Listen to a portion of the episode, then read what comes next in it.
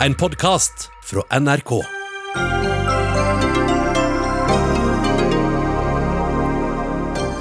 Nye krisetiltak for næringslivet legges fram nå, men hvordan vet vi at pengene bare kommer fram til dem som virkelig trenger det? Og bør pengene tas fra oljefondet, eller er økte skatter heller veien å gå for å finansiere krisepakkene? Økonomene er uenige. Koronaviruset sprer seg mye raskere i deler av Oslo enn i resten av landet. Kan hovedstaden gå sommeren i møte med stengte skoler, mens resten av landets skolebarn får vanlig undervisning? Og hvorfor går vi ikke alle med masker? Og burde myndighetene lagt mer til rette for røykeslutt under koronakrisen?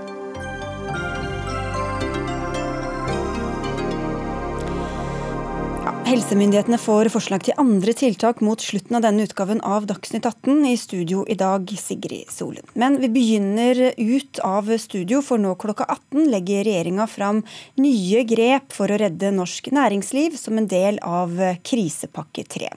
Vi skal sette over til pressekonferansen en stund, før vi fortsetter her i studio med reaksjoner. Den første som skal snakke er finansminister Jan Tore Sanner, og deretter skal vi høre fra næringsminister Iselin Nybø. Partene fra arbeidslivet er også til stede. NHO, LO, Virke, Finans Norge og SMB Norge er også med på denne pressekonferansen. Og tiltakene som kommer er bl.a. Eh, den såkalte kontantstøtta til bedriftene. Da står de klare for å overta på pressekonferansen med flere tiltak til bedriftene. Så da setter vi over dit. Da vi presenterte prinsippene for kompensasjonsordningen for en knapp uke siden, varslet jeg at vi ville komme tilbake med detaljene i morgen, altså fredag. Jeg er glad for å kunne gjøre det allerede i dag. Det har vært eh, jobbet omtrent eh, døgnkontinuerlig med dette den siste uken. Og takket være nyttige innspill og et svært godt og tett samarbeid med NHO, med LO, Virke, SMB Norge, Finans-Norge og skatteetaten, kan jeg nå legge frem det som er regjeringens forslag til den nye ordningen. Jeg vil gjerne benytte også anledningen til å, å takke partene spesielt for det er eh, noe flott ved Norge når vi i en krisetid som vi er inne i nå, at vi kan samarbeide så tett og så tillitsfullt som vi har gjort. Så vil jeg understreke vi får mange spørsmål om dette. Så det er viktig at eh, så mange som mulig får det med seg. Ordningen er ikke på plass ennå. Først må Stortinget behandle saken. Deretter må vi ha godkjenning fra ESA. Og parallelt med dette så jobber vi med å få på plass de tekniske løsningene og forskriftene. Men siden alle jobber i ekspressfart for tiden, ser det ut til at vi kan være klare til å åpne søkeportalen, og det er i hvert fall det som er planen vår, 17. april. Vil si, mot slutten av uken etter påske kan bedriftene levere inn de første søknadene sine hvis alt går etter planen. Formålet med denne ordningen er å hjelpe de bedriftene som normalt er sunne og levedyktige, men som nå er hardt rammet av virusutbruddet, at de sliter med å få endene til å møtes. Mange av disse bedriftene har permittert ansatte og gått fra full drift til nulldrift, nærmest over natten. Men de har likevel noen utgifter som ikke forsvinner. Faste, uunngåelige kostnader, kaller vi det. Det kan være husleie, forsikringer, strøm, regnskapsføring. Det er eksempel på slike utgifter. Ved å kompensere for en del av inntektsbortfallet øker vi mulighetene for at disse bedriftene klarer å betale regningene, slik at vi unngår unødvendige konkurser og at vi motvirker oppsigelser. Vi trygger arbeidsplasser. Det vil være enormt viktig den dagen samfunnet skal ta tilbake en normal hverdag igjen. Så til detaljene. Ordningen blir basert på at bedriftene selv rapporterer inn både omsetningsfall og faste utgifter. Faste, uunngåelige kostnader definerer vi det, og det er et antall konkrete poster i næringsoppgaven. Ordningen gjelder bedrifter som har minst 30% omsetningsfall sammenlignet med samme måned året før.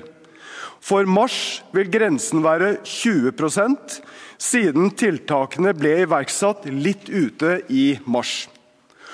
Og når jeg sier bedrifter, så mener jeg alle skattepliktig registrerte foretak i Norge, med noen unntak som jeg vil komme tilbake til. Beløp under 5000 kroner vil ikke bli utbetalt. Vi legger opp til et tak på 30 millioner kroner per foretak per måned, og at maksgrensen blir høyere for konserner. Forutsatt at løsningen kan godkjennes av ESA. Konserner har valgt ulike måter å organisere seg på. Med en maksgrense per konsern så unngår vi at samlet støttebeløp til ett konsern avhenger av den interne organiseringen. Regjeringen vil foreslå at vi kommer tilbake til den endelige grensen i en egen forskrift. Ordningen blir todelt på den måten at vi skiller mellom de virksomhetene som er pålagt av staten å stenge, og de som ikke er det.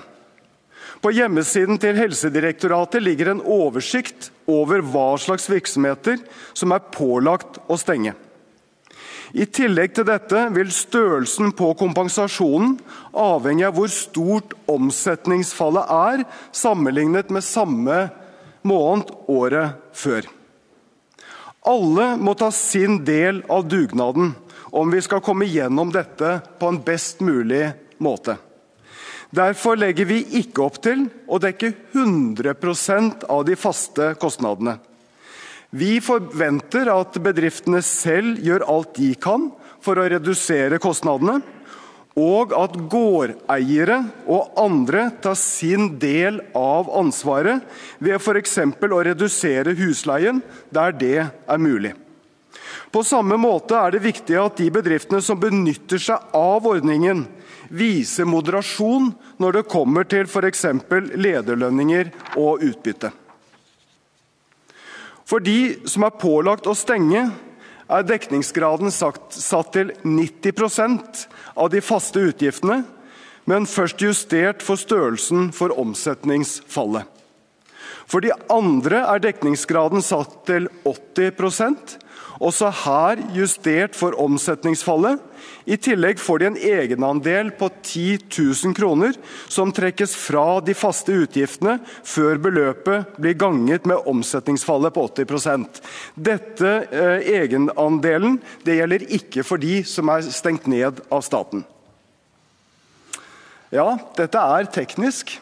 Det er ganske komplisert. Eh, men vi har da laget en formel for dette som gjør at alle kan gå inn og regne ut hva de vil få ut av dette. Og La meg ta noen eksempler. Eksempler fra konkrete bedrifter. Det første eksempelet det er fra Klinikk 10A, som driver med fysioterapi, kiropraktikk og akupunktur. De er derfor pålagt å stenge av staten. Omsetningsfallet i mars i år er 100% sammenlignet med mars i fjor. De faste utgiftene er på 76 000 kroner i måneden. De vil kunne få en kompensasjon på 90% fordi de er pålagt å stenge, dvs. Si 68 400 kroner i måneden. Så har vi Follo Catering. De er ikke pålagt å stenge. Men de er hardt rammet av virusutbruddet og har et omsetningsfall på ca. 75% i mars i år, sammenlignet med mars i 2019. De faste kostnadene utgjør ca. 150 000 kroner til sammen. Av disse trekker vi fra egenandelen på 10 000 kroner, før vi ganger beløpet med omsetningsfallet på 75 og dekningsgraden på 80% Kompensasjonen blir da, som dere ser, 84 000 kroner. Det siste eksempelet er fru Haugans hotell. De er heller ikke pålagt å stenge men kundegrunnlaget er likevel borte. De har derfor stengt begge restaurantene, begge barene og overnatting. Omsetningen har derfor falt 100% De faste kostnadene er om lag 600 000 kroner i måneden. Det vil si 590 eh, 000 når egenandelen er trukket fra, ganget med dekningsgraden på 80 Eh, så er det en kompensasjon på 472 000 kroner per måned. Og for ordens skyld, selv om dette er eh, reelle eksempler, er det bare eksempler, ikke en utbetalingsblankett direkte fra meg. Jeg har ikke nok informasjon til eh, å kunne si om de oppfyller alle kriteriene, men det er reelle bedrifter det er her er regnet på. Så er det som jeg nevnte, noen foretak som ikke er omfattet av ordningen i det hele tatt. Det er finansnæringen, utenriks sjøfart, varetransport Altså utenriks sjøfart som er varetransport. Produksjon, eh, nei, produksjon, overføring og distribusjon av elektrisitet og vannforsyning. Olje- og gassutvinning, som er innenfor petroleumsskatteregimet Private barnehager fordi de har en egen støtteordning. Flyselskaper fordi de er under en egen støtteordning. Og foretak uten ansatte, med unntak av enkeltmannsforetak der virksomheten er innehavers hovedinntektskilde. Foretak uten aktivitet eller som er under konkursbehandling, vil heller ikke kunne få støtte. Ordningen blir basert på at bedriftene selv logger seg inn i søknadsportalen og legger inn opplysninger om omsetning, faste kostnader, basert på de postene jeg viste i sted. Informasjon blir så kryssjekket mot en rekke, eh, rekke dataregistre og mot eh, rammene som er satt for ordningen. Hvis søknaden blir godkjent i den automatiske behandlingsløpet, blir pengene automatisk utbetalt til foretaket. Hvis det er store avvik mellom informasjonen bedriften legger inn og det som er kryssjekket, så blir søknaden avslått. Den kan da gå til manuell behandling, som vil resultere enten i utbetaling eller med et endelig avslag. Ordningen er altså basert på en, på en stor grad av tillit. Bedriftene leverer en slags miniselvangivelse som ligger til grunn for søknadsbehandlingen. Men det betyr også at søkeren står ansvarlig for opplysningene, at de er korrekte, og må, og må bekrefte at han eller hun er kjent med reglene for ordningen og straffeansvaret som følger av å gi uriktige opplysninger. Bedriften må kunne dokumentere tallene i ettertid, og det vil bli gjennomført risikobaserte kontroller med krav om tilbakebetaling og sanksjoner dersom det blir avdekket svindel. Ordningen vil gjelde for mars, april og mai men det kan bli forlenget dersom det er nødvendig. Dette er en omfattende ordning som er utviklet i ekspressfart. Regjeringen har ikke prioritert millimeter rettferdighet. Vi mener det er viktig at ordningen kommer raskt på plass. Vi ønsker å unngå et ras av konkurser. Vi ønsker å sikre at folk har en jobb å gå til, og at vi unngår unødvendige oppsigelser. Men nettopp fordi at den er gjennomført i ekspressfart, så varsler vi også at det kan bli behov for å justere modellen, grensene og kontrollen hvis det er nødvendig. Vi vil derfor ta en fot i bakken etter første utbetaling i april og se om det er behov for å foreta noen justeringer. Og Med det så gir jeg ordet til næringsministeren. Takk, eh, takk for det. Dette handler om å overleve. Den ordningen som vi nå presenterer, er nødhjelp til bedriftene. Det er en ordning som skal dekke deler av de uunngåelige eh, kostnadene. Men for privat næringsliv vil det alltid handle om å tjene penger. Eh, og den jobben ligger fortsatt foran oss. Men denne ordningen vil hjelpe bedrifter gjennom den verste perioden, sånn at de på den andre sida igjen kan sysselsette folk og tjene penger. Et viktig poeng for regjeringen har vært at de virksomhetene som staten har pålagt å stenge ned, skal få hjelp til sine faste og uunngåelige kostnader. Eh, derfor får òg disse bedriftene en dekning på inntil 90 Eh, og disse bedriftene får heller ingen egenandel. Men det er jo mange andre eh, virksomheter enn de som er pålagt å stenge, som nå har opplevd stort eh, omsetningsfall. Og det er vel knapt ja, Det er jo noen, men jeg tror de aller fleste på en eller annen måte er påvirka av enten virusutbruddet eller de smitteverntiltakene som vi har satt, satt i verk. Tall fra Nav viser at den største økningen i ledighet er innenfor butikk og salgsarbeid. Eh, og handelsnæringen vil kunne få hjelp til å komme seg gjennom eh, av denne ordningen. Eh, de vil kunne få inntil 80% av sine uunngåelige faste utgifter dekka.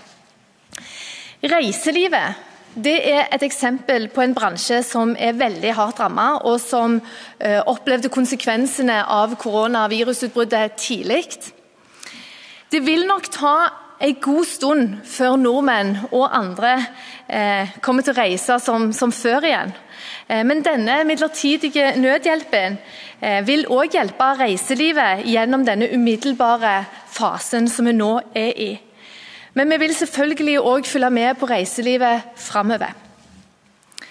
De få ukene som koronakrisen har vart, da har vi sett flere bedrifter som har omstilt seg. Vi har sett bedrifter som har tatt i bruk digitale løsninger.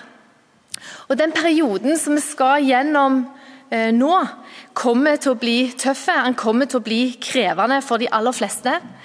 Men vi har en solid økonomi i dette landet, og vi har dyktige og vi har gode bedrifter. Regjeringen bidrar gjennom denne ordningen til at vi skal komme oss gjennom denne fasen sammen. Og Her må alle være med og bidra.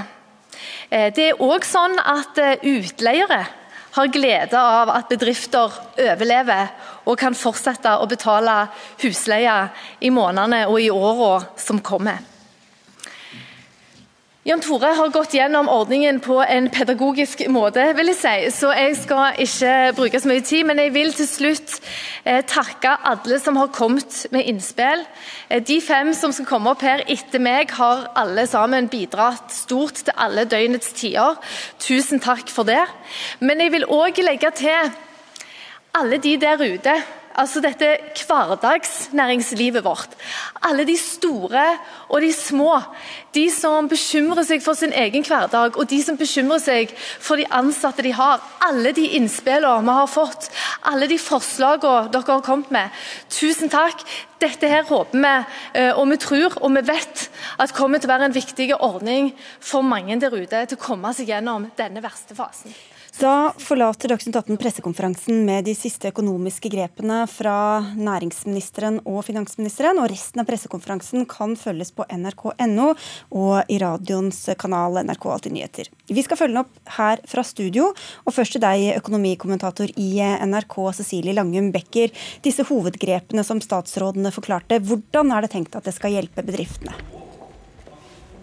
Det skal jo hjelpe bedriftene nå over kneika ved at de får eh, dekket mye av sine faste kostnader. For de bedriftene som nå er helt stengt pga. Eh, smitteverntiltakene til regjeringen, de kan få kompensert så mye som 90% av sine faste kostnader. Og Hvor treffsikre vil du da si at disse tiltakene er?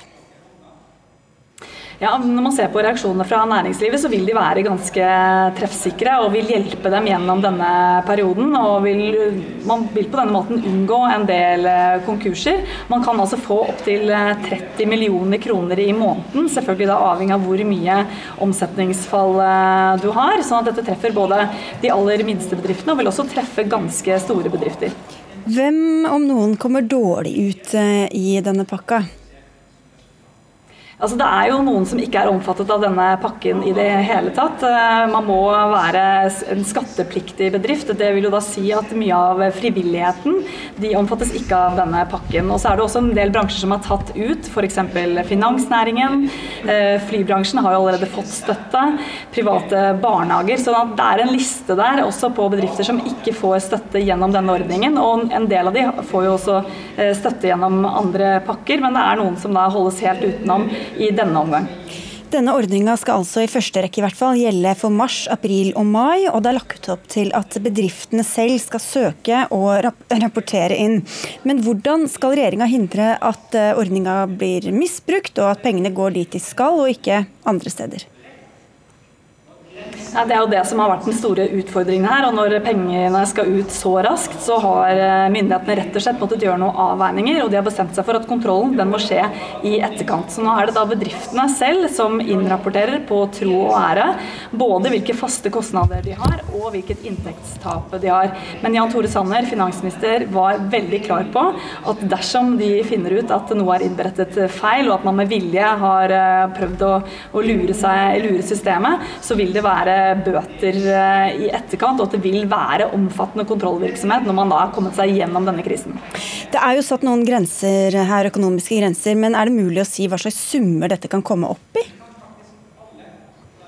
Ja, det har blitt sagt at det blir minst 20 milliarder i måneden, i hvert fall ut mai. Og, når, og tidligere så var det sagt mellom 10 til 20 milliarder, og nå er det da minst 20. Så dette blir jo store summer. Man regner med at man i hvert fall kommer til å bruke 50 milliarder kroner eh, ut mai. Takk skal du ha, Cecilie Langebøkker. Snart skal vi snakke om hvorvidt Oslo framover kan ha helt andre smitteverntiltak enn andre deler av landet, men vi skal først snakke mer om denne økonomiske pakka vi nettopp har hørt om. For alt dette skal jo betales med penger fra oljefondet, men er det egentlig riktig? Eller bør vi heller spleise på det via skatteseddelen? Det skal vi diskutere med våre neste gjester, men før vi kommer dit, Karen Helene Ultveit Moe, du er professor ved Økonomisk institutt ved Universitetet i Oslo. Og til det vi nettopp hørte, hvor viktig mener du dette er for å få bedriftene over kneika? Jeg tror dette er kjempeviktig. Jeg syns det er et veldig godt innrettet tiltak. Jeg syns det er helt riktig at nå staten, og det vil i realiteten si vi, det store fellesskapet, nå går inn og hjelper de som da er blitt fått som rett og slett bærer den største byrden av smitteverntiltakene. Jeg syns det virker som det er en veldig godt skrudd sammen pakke. Det er en rekke fallgruver man har unngått. Eh, den er ikke avhengig av størrelsen, den er ikke avhengig av hvordan man har organisert virksomheten. Og den er målrettet i forhold til hva som på en måte nå er viktig. Når vi legger denne sammen med permitteringsreglene, så tror jeg det vil hjelpe mange veldig mye. Og så synes jeg, jeg har lyst til å bemerke at så er det jo da basert på da egenrapportering, og det har vi jo stor tradisjon for i dette landet. Det gjør vi også med skatt og selvangivelser. Og fordi at vi er et land hvor vi har stor tillit, og vi normalt oppfører oss pent og riktig, så går dette sikkert veldig fint, tenker jeg. Så er det jo, Dette skal jo gjelde faste utgifter. Hvem er det som kan, dette kan slå uheldig ut for, tror du, denne innretningen? Jeg tror ikke det er noe som den vil slå uheldig ut for, men jeg tror at det vil være noen enkelte bedrifter som rett og slett da har en del kostnader, f.eks. knyttet til varelager de kjøpte inn rett før det smalt, som da blir sittende med varer som de da ikke får solgt, eventuelt som de fordervet. Og det vil være en kostnad som sannsynligvis da ikke vil bli plukket opp her. Mm. Så den vil ikke få med seg alt, men gitt hvis jeg skulle på en måte selv ha satt meg ned og gjort dette her, så, så, så, hadde jeg ikke greid å finne på så veldig mye bedre. Så all ære til både politikere, men også en veldig godt embetsverk. Vi, vi, aner ikke hvor heldige vi er i dette landet som har et så godt embetsverk som vi har, og som er i stand til å jobbe så raskt og ut, finne, politikerne og finne så gode løsninger. Nå sitter det sikkert en del fra Finansdepartementet som ble varme om hjertet med de ordene, men vi skal snakke litt mer om denne finansieringen. Bertil Tungodden, du er professor ved Norges handelshøyskole og leder for Fair the Choice Lab. Gjennom Dagsavisens spalter har du tatt til orde for en slags koronaskatt, sånn at betalingen for alle de tiltakene vi nettopp hørte, den skal da legges på hver enkelt av oss, da, eller? Ja, La meg først starte med å si at jeg òg likte mye av det jeg hørte i denne krisepakken. Så, så det aller viktigste budskapet for meg eh, er at vi får til en rettferdig fordeling av de økonomiske tapene som påføres oss pga. disse smitteverntiltakene. Og, og, Det har ikke vært så tilfellet hittil. så Hittil har dette vært veldig skjevt fordelt. Enkeltindivider har litt store tap, og entreprenører har vært i ferd med å miste sine, sine bedrifter. Så det, så det, har vært utrolig viktig at myndighetene nå har kommet på banen med denne type tiltak. Jeg syns de kan gå lengre. så mitt Eh, mitt synspunkt vil være at vi skulle søke full kompensasjon for økonomiske tap som er litt direkte som et, eh, som et resultat av smitteverntiltakene. Og jeg gjerne påpeke at Vi har gjort en studie av den norske befolkningen den siste uken, der vi har spurt dem om hva de tenker om denne kompensasjonen. Og Det er en enorm støtte i befolkningen for at eh, bedrifter og enkeltindivider skal få full kompensasjon. Opptil 80% av befolkningen støtter dette. Så eh, en stor eh, takk til myndighetene for at de har kommet på banen og, og for det de har lagt fram i dag. Men jeg tror og, og synes vi, vi, skal gå enda lengre. Ok, Men var, da blir det bare enda dyrere. Så hvordan skal dette finansieres? Absolutt, det vil være enda dyrere, og det, det, kan vi takle. Så spørsmålet er hvordan det skal finansieres. Og mitt andre hovedpoeng er at det skal vi ta oss av dagens generasjon. Dette er ikke noe som vi skal flytte over til framtidige generasjoner. Vi har en plan for hvordan vi skal håndtere oljefondet. Og jeg syns vi skal holde oss til den planen. Og eh, jeg mener vi skal bruke penger. Vi skal få til en full kompensasjon. La oss si at vi bruker 250 eh, milliarder eh, kroner på, på, en sånn pakke. Tar den fra oljefondet. Da tenker jeg at vi skal sikre samtidig at vi har eh, muligheten på sikt til å betale tilbake på en måte til oljefondet. Låner vi fra dagens generasjon, så må vi òg legge til rette for at vi skal tilbakebetale disse pengene. Og Dette er i, i tråd med politikken for oljefondet, som sier at vi skal møte svingninger i økonomien. Og Det betyr at vi skal bruke penger nå, men vi må òg legge til rette for, eh, for å kunne betale, eh, betale inn igjen. Og, og da er det gjennom økt skatt, da, bare for å legge ord i munnen på deg? Ja, jeg, jeg, visste du ville det, så der skal vi gå. Eh, så Det er jo ett tiltak. Hvordan skal vi sikre å, å få disse tilbake? Og En mulighet er å se på skattenivået vårt. Og la meg understreke, Jeg mener overhodet ikke at vi skal innføre økt skatt nå. Det jeg har snakket om og det jeg har ment å si, er at vi skal vurdere dette når økonomien er tilbake på eh, sporet. Og eh, Da kan den skatteøkningen være en mulig måte å legge til rette for at vi kan tilbakebetale til framtidige generasjoner. Dette kan skje gjennom at vi øker satsene, men det kan også skje gjennom at vi unngår å innføre nye skatteletter. Så bare for å gi en illustrasjon. Hvis du ser på denne regjeringen, så har de gjennomført en, en skattelettepakke som tilsvarer ca. 25 milliarder i året i skatteproveny. En sånn skattepakke over ti år ville finansiert disse tiltakene. Du, Da går vi til Ultvedt Moe her. Økt skatt ikke nå, men på sikt. Eh, hvor god løsning er det? Ja, la meg begynne med å si at Jeg er helt enig med eh, Bertil i at det bør ikke være slik at det er de fremtidige generasjonene som tar regningen. Men jeg tror at det er en gang slik at det, det, vi kommer til å få kommer til å ta lang tid før vi får det som Bertil kaller for en normal situasjon, og ting har stabilisert seg. For det er jo ikke slik at vi lever i en boble. Så den dagen vi begynner å løsne opp våre smitteverntiltak, er det fortsatt slik at vi er del av den global veien. Veien rundt forbi oss går det også veldig dårlig med. Så vi må regne med at det vil være på en måte en, vi må regne med nedgang og alvorlige eh, økonomiske konsekvenser i mange år fremover. Og så så jeg mener, så, så det å begynne å snakke om ekstraskatt nå, tror jeg sånn litt sånn retorisk at det er litt uheldig. For det tror jeg ikke vi, vi trenger. Men det jeg er veldig opptatt av, det jeg har lyst til å gripe fatt i, er det at ja, vi må tenke på hvordan vi kan fordele byrden. Og jeg tror at om noe, så må vi jo prøve å appellere til da bruk av målrettede tiltak som fordeler disse byrdene. For per nå så er det jo slik at for hver pakke vi kommer med, så er det jo fellesskapet som går inn og fordeler eh, og, og, tar og deler byrdene med de som er utsatt. Og Hvordan skal man da fordele de byrdene om ikke gjennom skatteseddelen? Nei, altså jeg tror at eh, vi må også se på da offentlig sektors bidrag. For i stor grad så er jo dette her nå en sånn enn så lenge, og også i og for seg fremover, så er dette en krise som først og fremst rammer de i privat sektor. Både ansatte og eiere. Mens vi som da jobber der hvor Barten og jeg jobber, vi, vi lever på den grønne grenen. Vi har god lønn og sikre jobber.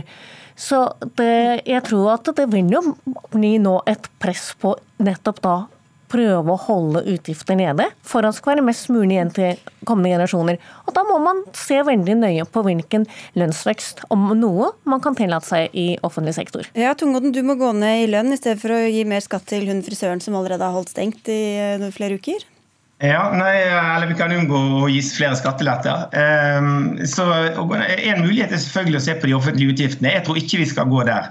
Eh, jeg har ingenting imot å, å, vurdere min egen lønn, men det var ikke det som var poenget. Jeg tror at vi skal ikke gå der fordi at det lett treffer sårbare grupper. Men, men det som er viktig for meg, er at vi får en rettferdig belastning av dette.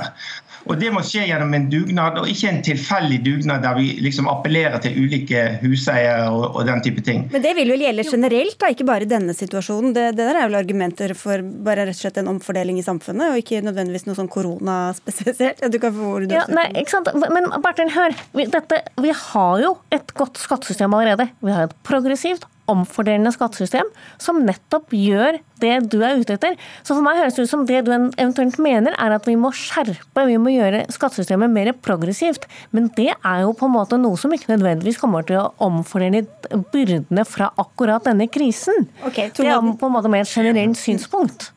Så Mitt poeng er overhodet ikke å gjøre det mer progressivt. Mitt poeng er at vi må ha en avklart holdning til handlingsregelen. Og jeg er helt enig, Vi skal selvfølgelig se verden an. Nå er eh, samfunnsøkonomer uenige om hvor lenge vi vil være i en krisesituasjon.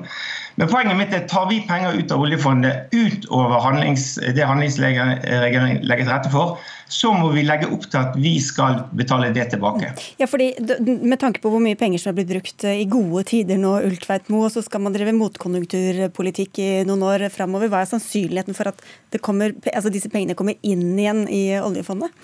Nei, du, jeg, Det er jeg akkurat like bekymret for som eh, Bertil, men jeg tror at eh, sånn som veien nå er, så tror jeg det tar en stund før på en måte en del av på en måte medisinen for å få til det, vil være å øke skattetrykket. Rett og slett. Ok, Ti sekunder på slutten, Tungodden.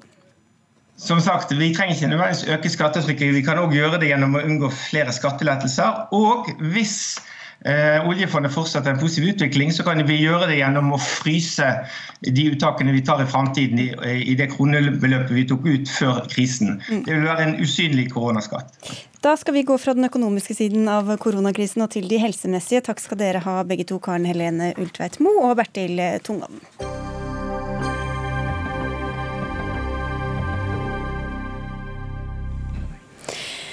For i store deler av landet er det tegn som tyder på at kampen mot spredninga av korona begynner å gi resultater. 318 mennesker er nå lagt inn på sykehus med covid-19. Det er en nedgang på sju fra i går. I hovedstaden derimot sprer smitten seg raskt fra bydel til bydel, og nå er det østkanten som har sterkest økning i antall smittetilfeller. Byrådsleder i Oslo, Raymond Johansen, du er veldig bekymra for denne utviklinga, men hva er det som bekymrer deg mest? Ja, Det som bekymrer meg mest, er jo at uh, vi uh, ikke har greid å stoppe smitten og redusere smitten så mye som vi skulle ønske. Og at tegn kanskje tyder på at uh, den smitten øker i enkelte områder. Og selvfølgelig bekymra for at vi ikke har vært flinke og tydelige nok til å nå fram med informasjon, men det jobber vi på spreng med hele tiden. Oslo er 200 nasjonaliteter, mange språk mange lytter ikke på NRK, tro det eller ei. En skam. Og det er en skam, og kanskje ikke har all verdens tillit til alt som kommer av nyheter. Så det er jo en krevende situasjon å nå fram, og det jobber vi med, og håper at vi skal lykkes med det. Og Du har tett kontakt med Trude Arnesen, som er overlege ved Folkehelseinstituttet. Hva skyldes denne endringa i smitteutvikling da rundt omkring i, i hovedstaden? Så denne epidemien startet jo i stor grad med eh, Det var i første omgang en overrepresentasjon blant skiturister. Så av de, eh, de ca. 5000 tilfellene vi har av covid-19 i Norge til nå, var jo bortimot 900 i den gruppa skiturister. Og så ser vi at ca. en femtedel er utenlandsfødte, og det er omtrent den samme andelen som utenlandsfødte utgjør av befolkningen i Norge. Så det er ikke noen generell eh, overhyppighet der. Foreløpig? Eller? Ja, enn så lenge ja. er det mm. slik. Men innad i gruppen utenlandsfødte så er det noen skjevheter. Det er noen so, fødeland som er vanligere enn andre. Og da må man jo se er det noen grupper her som vi trenger å jobbe enda mer med å nå frem til. Og så må vi bare skynde oss å si at siden vi ikke tester alle vi har mistanke til, så vet vi at det er mørketall. Eh, og, de tallene må vi bruke bare som eh, en begrunnelse for å gå for, for, å handle. Vi vil rette informasjon mot de gruppene. Men vet vi at det skyldes at de selv ikke har fått informasjon eller tatt, tatt konsekvensene av det, eller er det bare at noen er i mer utsatte yrker f.eks.? Det er jo mange ting uh, her. Mange har jo, uh, bor jo trangere. Vi har jo erfaringer fra Italia hvor veldig mye av smitten oppstår jo i familier. Det er annerledes å gå hjem i et hus og bli isolert der enn å dra tilbake til en trangbodd leilighet hvor det kanskje er fem, seks, syv barn. Så det må vi jobbe med. Det å kunne isolere de som faktisk er smittet, og ha en oppfølging av det. Det tror jeg er neste fase nå, med å være enda mer kirurgiske i de virkemidlene vi bruker. Fordi at vel, du får i oppgave å gå hjem du, og isolere deg når du har påvist eh, og du har smitten. Men jeg tror eh, vi er nødt til å vite at de faktisk ikke påfører de næreste familien, medlemmene, denne smitten, og det har vi jo mistanke om. og det er jo Oslo er en delt by. Eh, mange har i, tillegg så er det mange som har underliggende sykdommer og utfordringer. Vi vet at også diabetes 2 er en, eh, en sykdom som enk, enkelte områder i Oslo er større tilfelle av det. Så det er jo grunn til å være bekymra overfor dette, og vi er nødt til å sette inn mange eh, tiltak, og det gjøres. Ja, og det, den gruppa, eller de føde, fødelandet som, eh, som, eh, ligger øverst på denne Folkehelseinstituttets liste over koronasmittede, er personer som er født i Somalia. Mariann Abdi Hussein, du er vararepresentant på Stortinget for SV og leder partiets inkluderingsutvalg. Du har selv somalisk bakgrunn. Hva tror du er årsaken til dette høye antallet smittede blant norsk-somaliere? Jeg har jo lenge tenkt at eh, mye av dette skyldes at eh, vi er eh, Altså husholdninger med, som Raymond var inne på, med store medlemmer i familien. Og så kan jo det også skyldes at veldig mange, som Trude var inne på, veldig mange har jo ulike yrker. Altså når man snakker om disse skituristene, så er det jo et annet spørsmål er jo hvem var det som kjørte skituristene turistene hjem. Ehm, de seneste dagene har jeg hørt om veldig mange taxisjåfører som har eh, vært smitta. Jeg har hørt om eh, en taxisjåfør som har gått bort. Eh, sånn at vi må jo også huske at folk lever sine liv. og før vi fikk beskjed om å gå og reise hjem og isolere oss og sette oss på en måte i karantene, så var det utrolig mange som bevegde seg og ikke var testet. Så her er det kanskje flere spørsmål. Eh, men så er jeg jo enig med Raymond. Vi må nå har vi fått tall, det er kjempebra. Vi må bruke disse tallene for å treffe flere tiltak for å nå disse gruppene. Um, og så må vi på en måte uh, også huske at uh, viruset gjør ikke forskjell på eh, hvilken landbakgrunn du har, eller hvor i, by, hvor i Oslo du bor. Eh, det, har, eh, det har, på en måte Blir du på en måte utsatt for smitte, så blir du smitta. Og har du underliggende sykdommer, så er du mye mer utsatt for å få større komplikasjoner. Eller, ja. eller, så kan du bare, bare følge opp det du ja. sier. Er det et klasseperspektiv her, Johansen? Eller i hvert fall at det blir lest i den eh, settingen? Det er åpenbart uh, også et klasseperspektiv på mange måter. Konsekvensen av isolasjon. F.eks. det at vi stenger ned skoler og barnehager, er jeg svært bekymra for uh, klasseperspektivet. At mange kan bli hengende etter. Men også her at uh, trangboddhet, store familier, vanskelig å nå fram kommunikasjonsmessig, er en tilleggsutfordring. Men jeg er helt enig med Marian her. Det er veldig viktig å si at Smitten startet på et marked 7300 km unna Oslo. Og den starta heller ikke på en afterski i Østerrike eller på Grønland i Oslo. Og den er vilkårlig, alle kan få den. Så må vi gjøre det vi kan nå. Gå målretta inn eh, for å eh, unngå at smitten sprer seg, eller vi kan redusere smitten. Og Den er mer utfordrende i enkelte områder av Oslo og som eh, enn en i andre men, steder. Men samtidig, altså, det er jo ingen som kan unngå å se at her har det skjedd, skjedd enorme ting. altså, i, ja, Hele samfunnet er stengt ned. Eh, hva med folks, altså, folks eget eh, ansvar for å holde seg oppdatert, eller viser dette at folk lever helt sånn på siden av samfunnet også i, i Oslo? Jeg vil jo si at Oslo-folk har vært flinke. Eh, også veldig mange, bl.a. i det somaliske miljøet av de yngre, som Marian og sånn, har jo informert, vært framoverlent. Men så er det utfordringer ved at ikke all type kunnskap har nådd fram. Og kanskje ikke alle har tatt det alvorlig nok i førsten. Og det er slettes ikke bare eh, i enkelte områder i Oslo, men over, over, over hele landet. Dette er alvorlig. Ja. Ok, eh, ja Hussein, du, du, har også kritisert Folkehelseinstituttet for, eller sagt at det er etisk betenkelig å, å oppgi disse landbakgrunnen. Hvorfor det? Nei, jeg tenker at eh, Jeg har ikke kritisert dem for å gi det ut. Jeg har tenkt at jeg, jeg, forstår at det er vanskelig å gi ut disse tallene. For det vi vet, altså når vi så f.eks. at Sverige, at de en svenske legene delte denne informasjonen, var jo at eh, ja, personligheter som Fjordmannen og eh, andre miljøer har delt det. Og jeg ser jo at veldig mange er bekymret for den økte rasismen dette kan være være å medføre. Eh, sånn at det er på en måte en, eh, en, et perspektiv her som vi må ta med oss. ikke sant? At man, noen mennesker er ekstra utsatte enn andre for å bli utsatt for rasisme.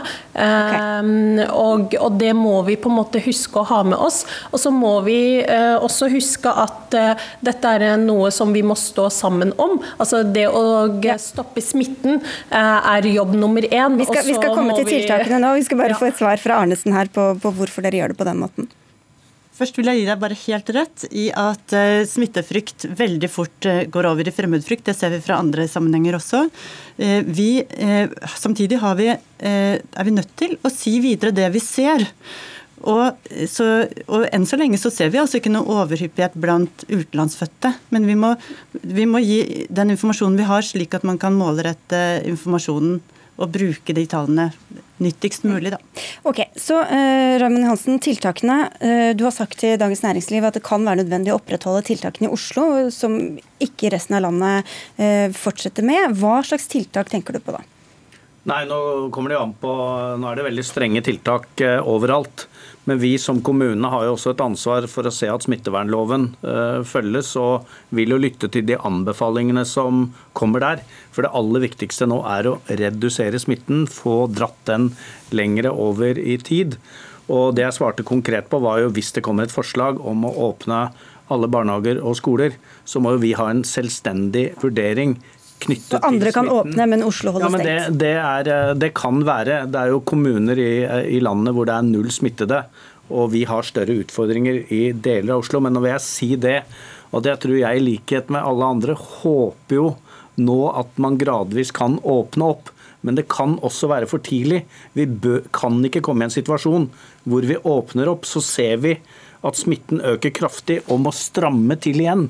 Da tror jeg motivasjonen er vanskelig, og da er det litt mer ute av kontroll. Så det er det jeg opplever at helsefagmyndighetene peker på, og derfor må vi men, følge opp det. Men vi har okay. ulike utfordringer ute i landet. Men kan det være aktuelt med enda strengere tiltak? Noen snakker om portforbud. Kan det bli aktuelt i Oslo? Det var diskutert eh, innledningsvis, men det, det tror jeg helt sikkert at eh, det ikke blir nå. Men vi kommer til å ha kontroll gjennom påske på de store utfartsstedene på kjøpesentrene, i butikkene, at de holder avstandsreglene. To meter ute, én meter inne. Omhyggelig med håndhygiene. Ja. Så uh, tror jeg dette skal gå bra. Ok, vi får se. Trude Arnesen, helt på tampen. Hvor viktig er den utviklinga du ser i Oslo og tiltakene her for resten av landet? Det som blir veldig eh, viktig, er å Nå som flere blir syke, det må vi tro, og skal gjennom isoleringsperioder, så blir det viktig også eh, å følge opp den enkelte som er isolert. Og det kan være ekstra vanskelig eh, når man har store familier f.eks. Og da må man tenke kanskje på nye måter med hvordan man kan tilby alternativer til isolering. Vi får følge med. Takk skal dere ha alle tre. Raymond Johansen, byrådsleder i Oslo, Mariann Abdi Hussein fra SV og Trude Arnesen fra Folkehelseinstituttet.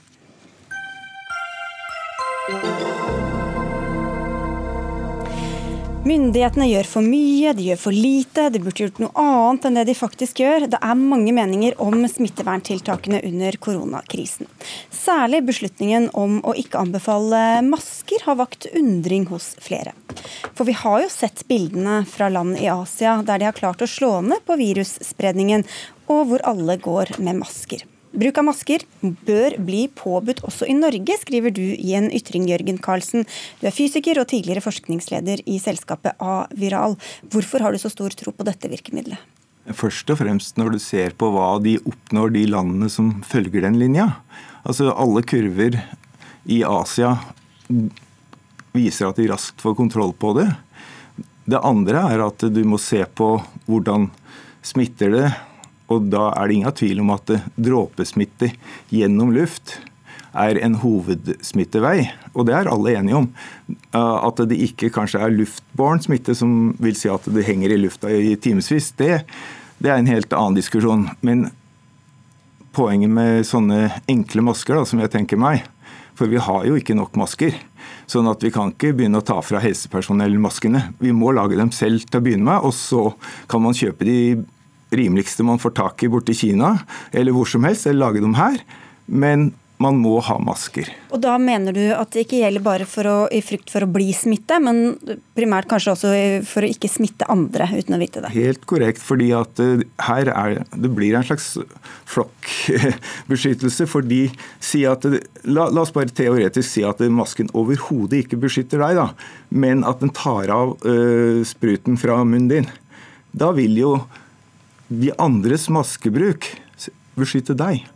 Sånn at du tar hånd om de andre ved å bruke maske, og deres maskebruk beskytter deg. Så i sin konsekvens så beskytter du deg selv hvis det er sånn at alle bruker det, eller og da snakker jeg ikke om ute. Altså, jeg er ikke for at det skal være så jævlig som mulig for folk å, å ferdes rundt forbi, men at vi skal gjøre fornuftige og framfor alt billige tiltak. Ikke sant. Så Hanne, Hanne Merete Eriksen Wolle, du er konstituert avdelingsdirektør for resistens og infeksjonsforebygging på Folkehelseinstituttet.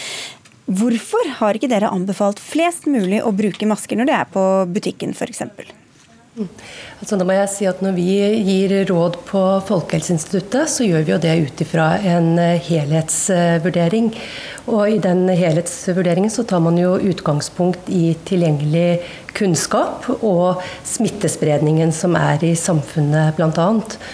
Og så langt eh, så har jo både WHO og kunnskapsoppsummeringer vært veldig tydelig på at man ikke ser noe effekt av å bruke maske ute i befolkningen blant eh, friske personer som ikke er smittet. Men, men man vet samtidig, jo ikke om man er smittet, så hvorfor er det ikke da hensiktsmessig å gå med maske uansett? Og Samtidig så ser man jo at disse maskene, som også ble sagt her, har jo en kjempestor effekt i helsetjenesten. Der er det et av de viktigste virkemidlene man har i å stoppe og hindre spredning når man står overfor pasienter med kjent smitte. Og så er det jo det at jeg sa at våre råd tar utgangspunkt av en helhetsvurdering. Og så langt så har man jo ikke hatt masse masker eh, tilgjengelig, eh, sånn at vi har vært nødt til å sikre at vi anbefaler bruk av masker der hvor vi vet de har en effekt, og det er i helsetjenesten. Og når vi da ikke har sett noe dokumentasjon på at det har en effekt eh, i å bruke dette ute i befolkningen, så har det vært et ganske eh, sånn toneangivende for det, det rådet. Ja, eh, når det sies at det ikke har vært noen bevist effekt, så finnes det en studie nede i Australia fra professor Neil Ferguson, som hadde en gruppe der han delte 143 familier med to foreldre i hver familie og et sykt barn som hadde influensa, i to uh, hovedgrupper. Én kontrollgruppe, randomisert skikkelig. Og ja, det hadde faktisk to forskjellige Hopp, hopp til konklusjonen. Ja, poenget var at 20% av de som var i kontrollgruppa uten maske og skulle pleie sitt barn i hjemmet med mye om og men, de ble smitta, mens bare 5% av de som hadde maske, ble smitta. Så ikke maske 20% med maske 5% Så det virker faktisk også som en beskyttelse for de som hadde, hadde maske. Men det er ikke mitt uh, hovedargument. Mm, ok, for Det høres jo ganske sånn logisk ut, eh, Eriksen Wolle, at hvis du går med maske, så, så legger du en mindre spytt rundt omkring? Så nå må jeg bare igjen vise til det, til det samme studiet. og Der var det jo da blant kjente smitte. Her var det barn som hadde influensa, og så var det jo da maskebruk blant, foreldre. Sånt sånn her ser jo vi også at da får du litt den samme effekten som vi i dag har i helsetjenesten. Med at der hvor man vet at man står overfor et kjent smitte, så kan dette ha en eh, effekt. Men som sagt, ute i samfunnet hvor man stort sett har vært eh, friske personer så langt, så har det ikke hatt en effekt. Men dette er ting vi vurderer fortløpende ettersom at epidemiologien endrer seg, og i takt med at man får ny kunnskap. Og Vi vet jo mm. at WHO driver og går gjennom litteratur på dette området, og det gjør også vi på Folkehelseinstituttet. Kan... Og så vet vi jo også ja. at det kommer plutselig altså Er vi i en situasjon hvor det nå begynner å produseres mer utstyr? Og klart, Hvis man da er i en situasjon hvor det er tilgjengelig, så kan man jo også begynne å se nærmere på dette. Men så langt så har det vært det viktigste å sikre at vi har munnbind tilgjengelig til de som som står i helsetjenesten. Vi skal bare få inn en eh, gjenganger i dette studio. Espen Rostrup eh, Nakstad, fungerende assisterende helsedirektør. Du var jo her i går og snakket om hvor mye smittevernutstyr vi har eller eh, ikke har. Så ut fra det lageret du skisserte der, så skjønner jeg at det ikke er nok masker til alle. Men hvordan tror du det hadde vært hvis folk begynte å bruke hjemmelagde masker eller gå med skjerf eller ellers beskytte munnpartiet? Det er sånn at eh, det utstyret som kommer til Norge nå og som brukes i helsetjenesten, det gjennomgår jo veldig grundig testing for å se om det er godt nok. Om det fjerner nok partikler og, nok aerosoler, som det heter, altså små, små dråper. Uh, og det er klart, uh, For å svare på det du spør om nå sist, altså det med å bruke skjerf eller andre ting, det er klart det vil fjerne noe, men det er ikke fullgodt. Eh, sånn at, eh, Men er det lurt å beskytte seg både for sin egen del og andre, sånn som vi hører her? Ja, nei, altså, Folkehelsa har helt rett at det er ikke dokumentert at det har noe effekt i et samfunn der det er lite smitte. Da kan vi ende opp med å bruke millioner av munnbind, helt unødvendig. Eh, men grunnen til at WHO ser på dette nå, og at det, vi ser det benyttes en del andre land, det er jo typiske områder hvor folk bor veldig tett, hvor det er mye smitte, hvor det er vanskelig å holde avstand til hverandre, sånn som vi nå gjør i Norge. Og det er klart, eh, Står du som sild i tønne på T-banen i Tokyo, og det er et visst smittepress i Tokyo, så, så, forstår jeg at folk da gjerne vil beskytte seg. Men, men, i Norge så er det da prinsippet om å beskytte da de sårbare, de med dårlig immunforsvar og de som er på sykehus. Og at de som er syke kan bruke det i en setting hvor de er i kontakt med andre. Man kan jo se for seg at Hvis man går med munnbind, så tar man litt ekstra risiko. Da er det ikke så farlig om man står litt tett eh, på T-banen f.eks. Karlsen. Du kan alltids eh, mistenke at folk misbruker ting og misforstår ting. Men skal vi ikke ha litt tillit til folk, at det går an å lære dem å lage seg en maske og bruke den? Altså, Jeg har jo sett, eh, ikke han, men noen andre si at nei, det, det blir så vanskelig. Og det å lære å bruke maske, ja herregud, det høres ut som det er et doktorgradsstudie. så, så, nei. Vi skal få til eh, en person til her, Pashi Alnes Katsjavivi. Du er overlege på kvinneklinikken ved Ullevål sykehus. Og du etterlyser klare råd på et annet område, nemlig for dem som røyker. Og hva er det du savner her fra myndighetene? Ja, eh, takk.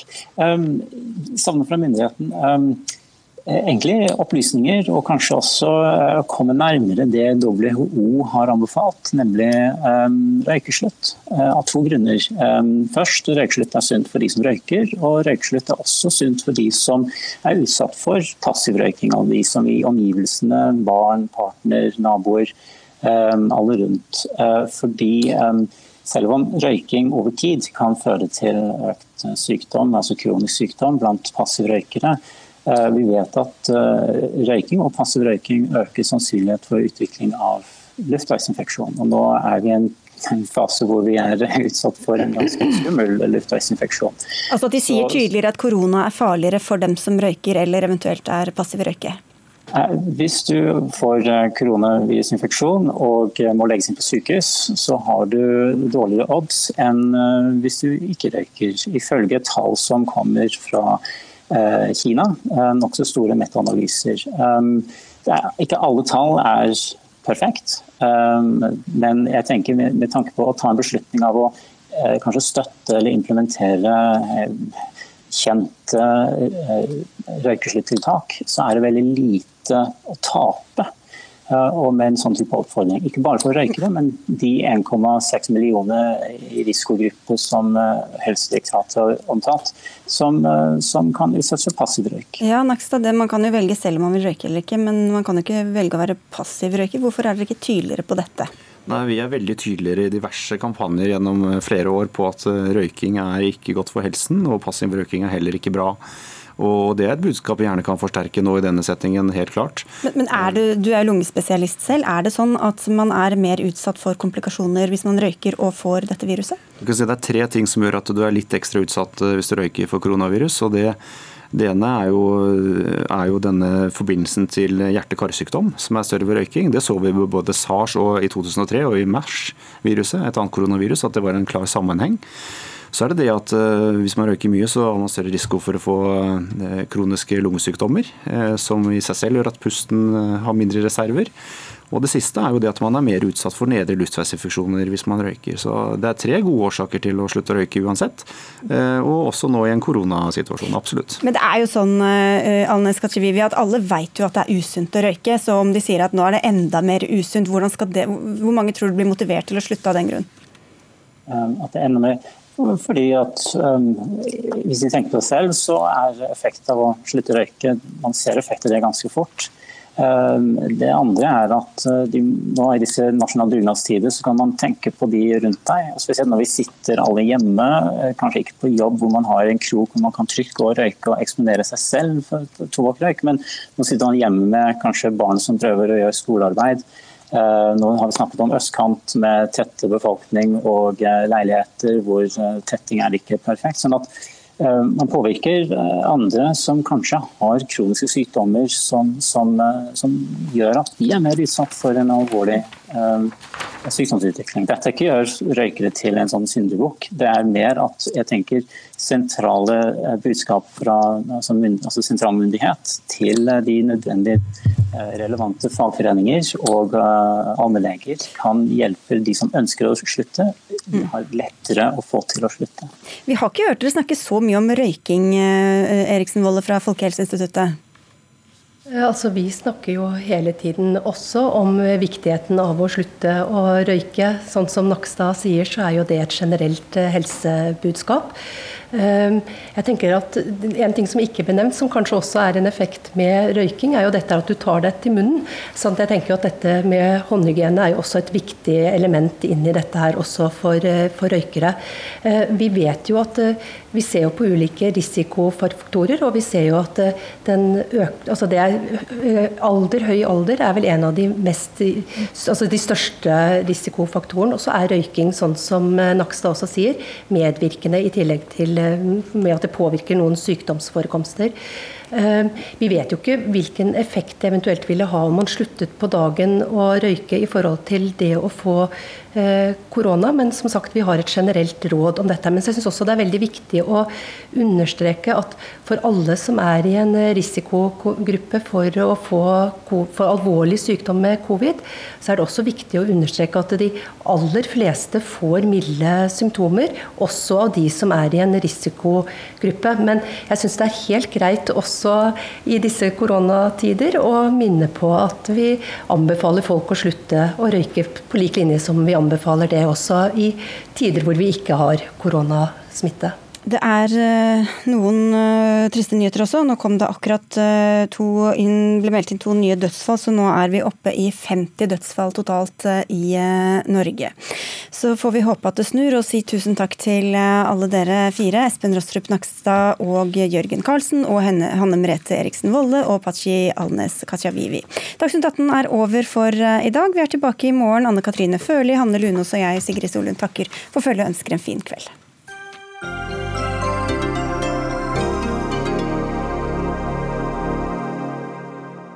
Du har hørt en podkast fra NRK. Hør flere podkaster og din favorittkanal i appen NRK Radio.